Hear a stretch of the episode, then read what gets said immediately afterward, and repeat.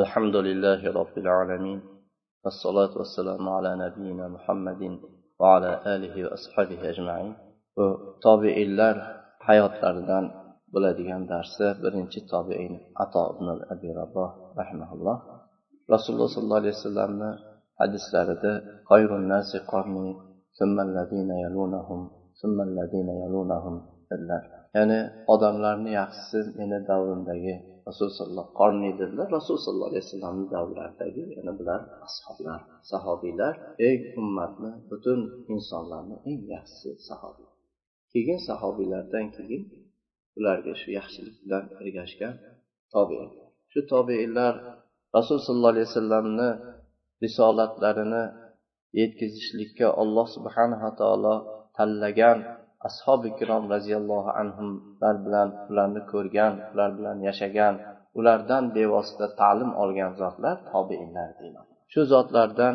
biz e, bu islomda salaf deganda shular tushuniladi e, tobeinlar sahobiylarni ko'rgan zotlar. Va bulardan keyin yana salaf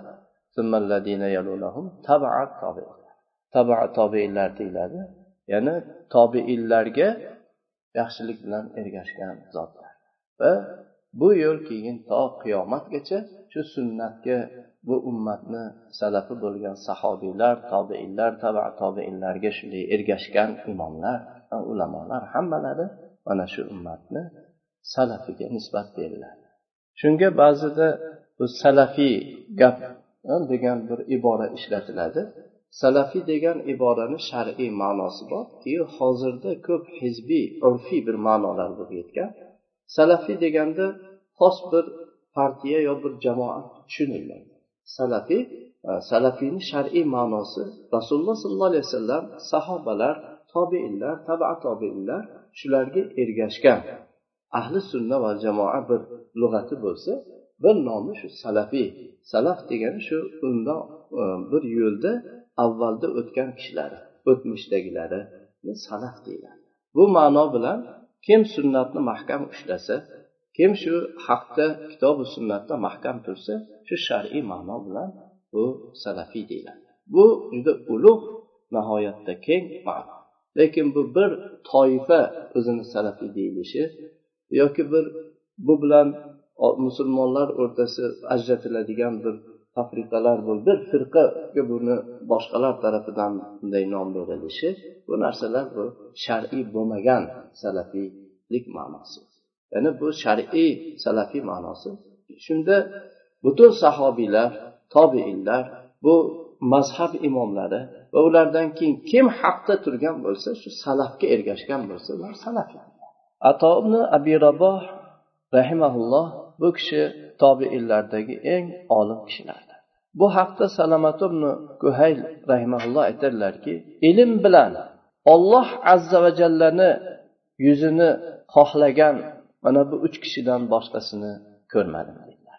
Bu uch kishi ya'ni o'zini ilmidan faqat ollohni yuzini xohlaganlar ato tovus va mujohid ular mashhur tobeinlar mujohid tovuzki bu ilmda mislsiz bo'lgan o'zlarini davrlarida mujohidki bu mufassillar imomi bo'lgan zotlardir bu zotni ato ibn abi rabohni tarixlarini boshlanishi haqida muallif rahimaulloh zulhijja oyini o'n kunligining oxirlaridamiz ya'ni ato ibn abi rabohni davrlaridagi shu zulhijja haj mavsumi shu oxirgi o'n kunlardan keyingi kunlar ya'ni rosa haj amallari qilinayotgan kunlar. Shuni oxirlaridamiz bu vaqt hijriy to'qson yettinchi yil edi. Bu baytulloh ollohni uyida baytul atiqda alloh taologa har uzoq vodiylardan uzoq shaharlardan labbay deb ollohni chaqirig'iga talbiya aytib kelgan hojilar shunday to'lqinlanib turgan. Ular piyoda markablarda kelishgan vaqt endi bu to'qson yettinchi hijriy sanada aksarlari piyoda borgan. Markab deganimizda ham shu eshaklarda otlarda tuyalarda borgan qarilar yoshlar erkaklar ayollar har rangda qora ranglik oq ranglik qizil ranglik arablar ajamlar va buni ichida keyin baland tabaqadagi sayyidlar past tabaqadagi odamlar hamma toifa odamlar bir xil holatda kelishgan. Hammalari butun olamlarning robbisi odamlarning podshohi alloh subhanava taologa iltijo bilan allohga talbiya aytib allohga katta umid orzular bilan u yerga borgan zotlar. Shunda o'sha vaqtdagi butun musulmonlar xalifasi sulaymon ibn abdul malik ham shu yilda shu vaqtda u kishi ham hajga borgan ekan. Yer podsho e, u vaqtda tobeinlar davrida bu sulaymon ibn abdul malik butun yer yuzidagi eng yer podshohlarini kattasi bu kishi ham ollohni uyini tavof qilib boshlari yalangbosh yalang'oyoq ustilarida shu hajni ikkita shu matodan boshqa narsa yo'q. Xuddi boshqa xalqlar olloh yo'lidagi shu iymonda aka ukalik bo'lgan birodarlari kabi bir xil holatda bir xil kiyimda u kishi ham shu hajga borgan u kishini orqasida u kishini ikkita farzandi ham bor edi. Ular juda to'lin oyday chiroyli to'lishgan yigitlar. Nihoyatda ko'rkam xushbo'y e, dilkash holatda farzandlari ham bor.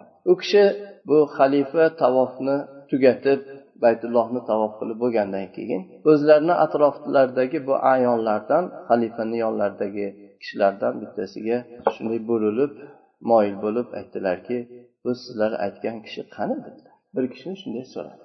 Shunda u kishi ishora qilib o endi namoz o'qiyaptilar shu tik turgan odam deb ko'rsatdi ya'ni bu masjidul harom kabani shu g'arbiy tarafidagi bir joyni ko'rsatdilar. Shunda xalifa xalifani orqalaridan ikkita o'g'li turib o'sha ishora qilingan tarafga yurib bordi. Atrofdagi bu ayonlar ham xalifaga ergashmoqchi edi. Ya'ni u kishiga yo'l ochib odamlarni hay haylab bunday himoya qilib borishga. Bu tiqilinchni aziyatini u kishidan himoya qilishga bu ishdan xalifa ularni qaytardi. Aytdiki bu o'rin bunda podshohlaru oddiy odamlar barobar bo'lgan o'rindir. Bunda bir kishiga bir kishini fazilati ulug' bo'lishi faqat robbil olaminni qabul qilishligiyu taqvosi bilan bo'ladi. Ba'zi sochi to'zg'igan shunday changlarga belangan ollohga shunday iltijo qilib kelgan kishilar bor alloh taolo podshohlardan qabul qilmaganni shu bechora g'aribdan qabul qiladi deb qaytardilar ularni. Keyin o'zlari bu haligi ishora qilingan kishi tarafga ketdi. Borsalar u kishi nihoyatda qattiq berilib namoz o'qiyotgan holat. Shu rukularida sajdalarida shunday sajdaga g'arq bo'lgan rukuda g'arq bo'lgan holat. Odamlar u kishini orqasida o'ng taraf chap tarafda o'tiribdi. Shu odamlar o'tirib borgan shu yetgan joyga navbatga turib xalifa ham o'tirdilar. Va u kishi bilan birga ikkita o'g'li ham o'tirdi. Bu asli qurashiy bo'lgan bu ikki yigit bu namoz o'qiyotgan butun mo'minlarning amiri bu kishini kutib turgan bu odamga juda taajjub bilan yaxshilab tikilib qaray boshlashdi. Odamlar ommasi bilan xalifa ham uni kutib o'tirar keyin u kishi namozlaridan bo'shadi. Shunda bu ikkita bola qarasa qop qora bir habashiy qari bir odam ekan namoz shu ro'mol nimada namoz o'qiyotgan? Qop qora kishi ekan. Keyin atrofiga qaradida bu xalifa bo'lgan tarafga shunday burilib moyil bo'ldi. Shunda u sulaymon ibn abdul malik unga u kishiga salom berdi. Assalomu alaykum. U kishi ham shu chiroyli salomiga javob berib javob qaytardi. Keyin shu yerda xalifa u kishini oldiga bordi. Haj ibodatlari haqida dona dona qilib endi qanday haj qilishlik shu so'radi u kishi haligi qora qari qora tanli kishi har bir masala haqida u kishi so'ragan har bir savolga shunaqa ko'p javob beradi. Shunday tafsilot qilib shunday ochib berar ediki ko'proq endi biror narsa qoldi deb shu ham so'rab qo'yaylik deydigan bir savol qoldirmaydigan darajada u kishi javob berardi. Shunday batafsil tushuntirib javob beradi. Va bu javoblarni har birida hujjatni rasululloh sollallohu alayhi vasallamga olib boradi. Men falonchidan eshitdim u kishi falonchidan rivoyat qilgan u kishi falonchidan eshitgan ekan oxiri shu sahobiy sahobiy rasululloh sollallohu alayhi vasallamdan eshitgan deb shu sanadini rasululloh sollallohu alayhi vasallamga olib boradi. Bunday savol javob tugab xalifa savollaridan tugagandan keyin olloh sizga yaxshilik bilan mukofotlasin dedi. Keyin o'g'illariga qarab turinglar endi ketdik dedi. O'g'illari turishdi ikkalalari endi say qilamizda bu safo marvaga say qilinadi shu tarafga qarab ketishdi. Ular shu sayga ketayotgan vaqtda safo sayda bo'lgan vaqtlarda safo marva o'rtasida haligi ikkita yigit eshitib qolishdi o'sha yerda baland ovoz bilan e'lon qilinardiki ey musulmonlar jamoasi bu maqomda bu o'rinda faqat ato ibn abi raboh fatvo bersin odamlarga boshqa fatvo bermanglar. Fatvo abu ato ibn abi rabohdan so'ralsin ato ibn abi raboh fatvo bersin deb e'lon qilinadi agar ato ibn abi raboh topilmasa unda abdulloh ibn abi najihdan so'ranglar deb. Shunda bu ikkita bola hayron bo'lib otasiga otalari endi xalifa butun amirul mo'minin bu amirul mo'mininni bu yerdagi voliysi omili dedi. Odamlarni qanday qilib ato ibn abi raboh bilan keyin uni sherigidan boshqa biror kishidan fatvo so'ramaslikka bunday buyruq chiqaradi. Nima haqqi bor deb haligi bolalar otalaridan so'radi. Keyin biz ana bu odamni oldiga keldik qora tanli kishini. U kishidan savol so'radingiz bu xalifaga parvo qilmay javob beradi.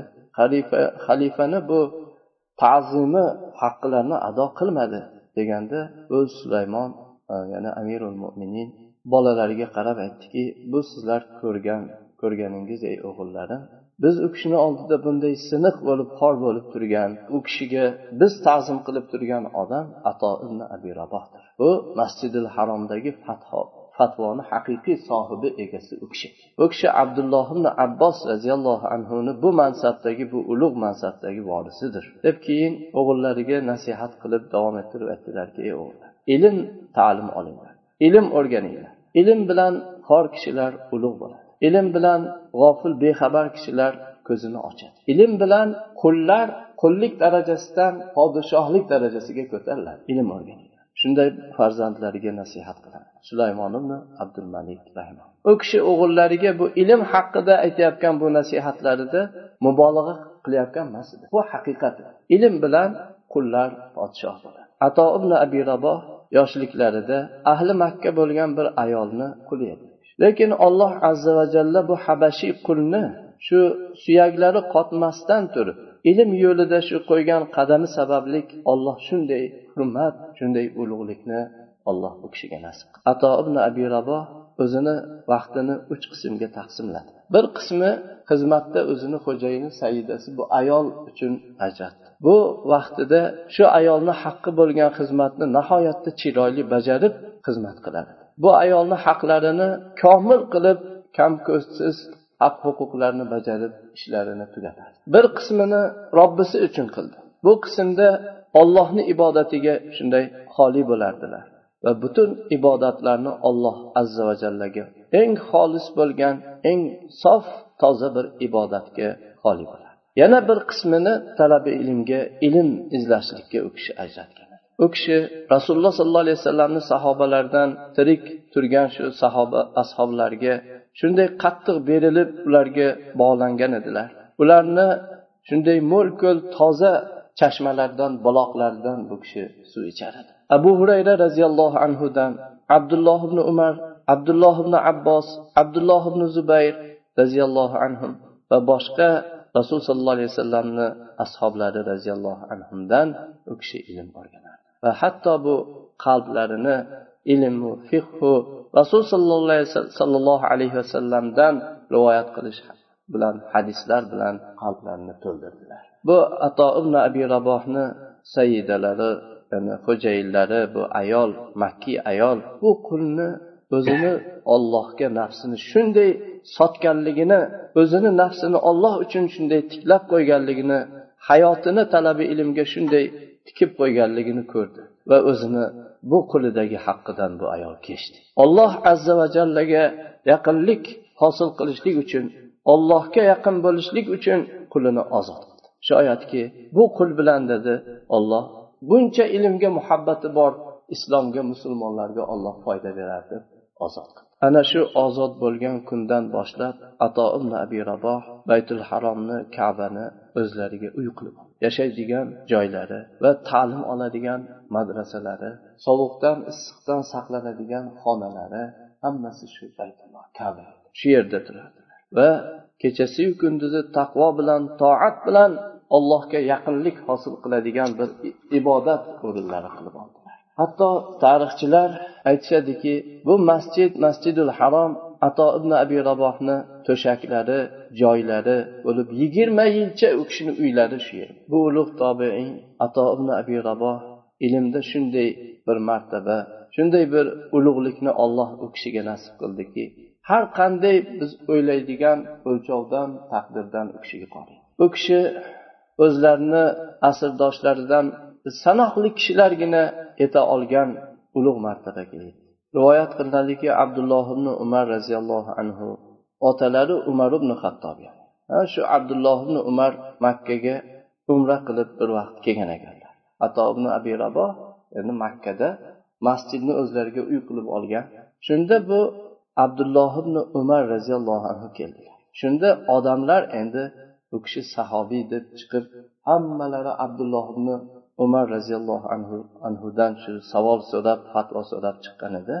U kishi javob berib aytdilarki ey ahli makka men sizlardan juda bu ajablanaman sizlar sizlarni ichingizda ato ibn abi raboh turib mendan shu masalalarni so'rab meni oldimga kelasizlar. Ya'ni ulug' bir sahobiylardan umar ibn hattobni o'g'illari shu kishi shu umra qilib kelganlarida odamlar savol so'rasa shunday javob inshaalloh keyingi darsimizda bu ato ibn abi raboh rahmaullohni e, tarixlarini davom ettiramiz. Alloh taolo bunday ulug' zotlarni tarixlarini zikri bo'lganda inshaalloh bularni hayotlarini o'qishlikda biz yaxshi bir foydalanib o'zimizga bir namuna olib o'tishlikni alloh bizga nasib qilsin. Bo'lmasa bu faqat bir e, ertakka o'xshab bir birimizni bu suhbatimizni qizdirishlik uchun bo'lib qolmasin. alloh hammamizga bir ulardan ularni hayotlaridan ibrat namuna olib yashashlikni alloh hammamizga rizqlantirsin سبحانك اللهم وبحمدك أشهد أن لا إله إلا أنت أستغفرك وأتوب إليك السلام عليكم ورحمة الله وبركاته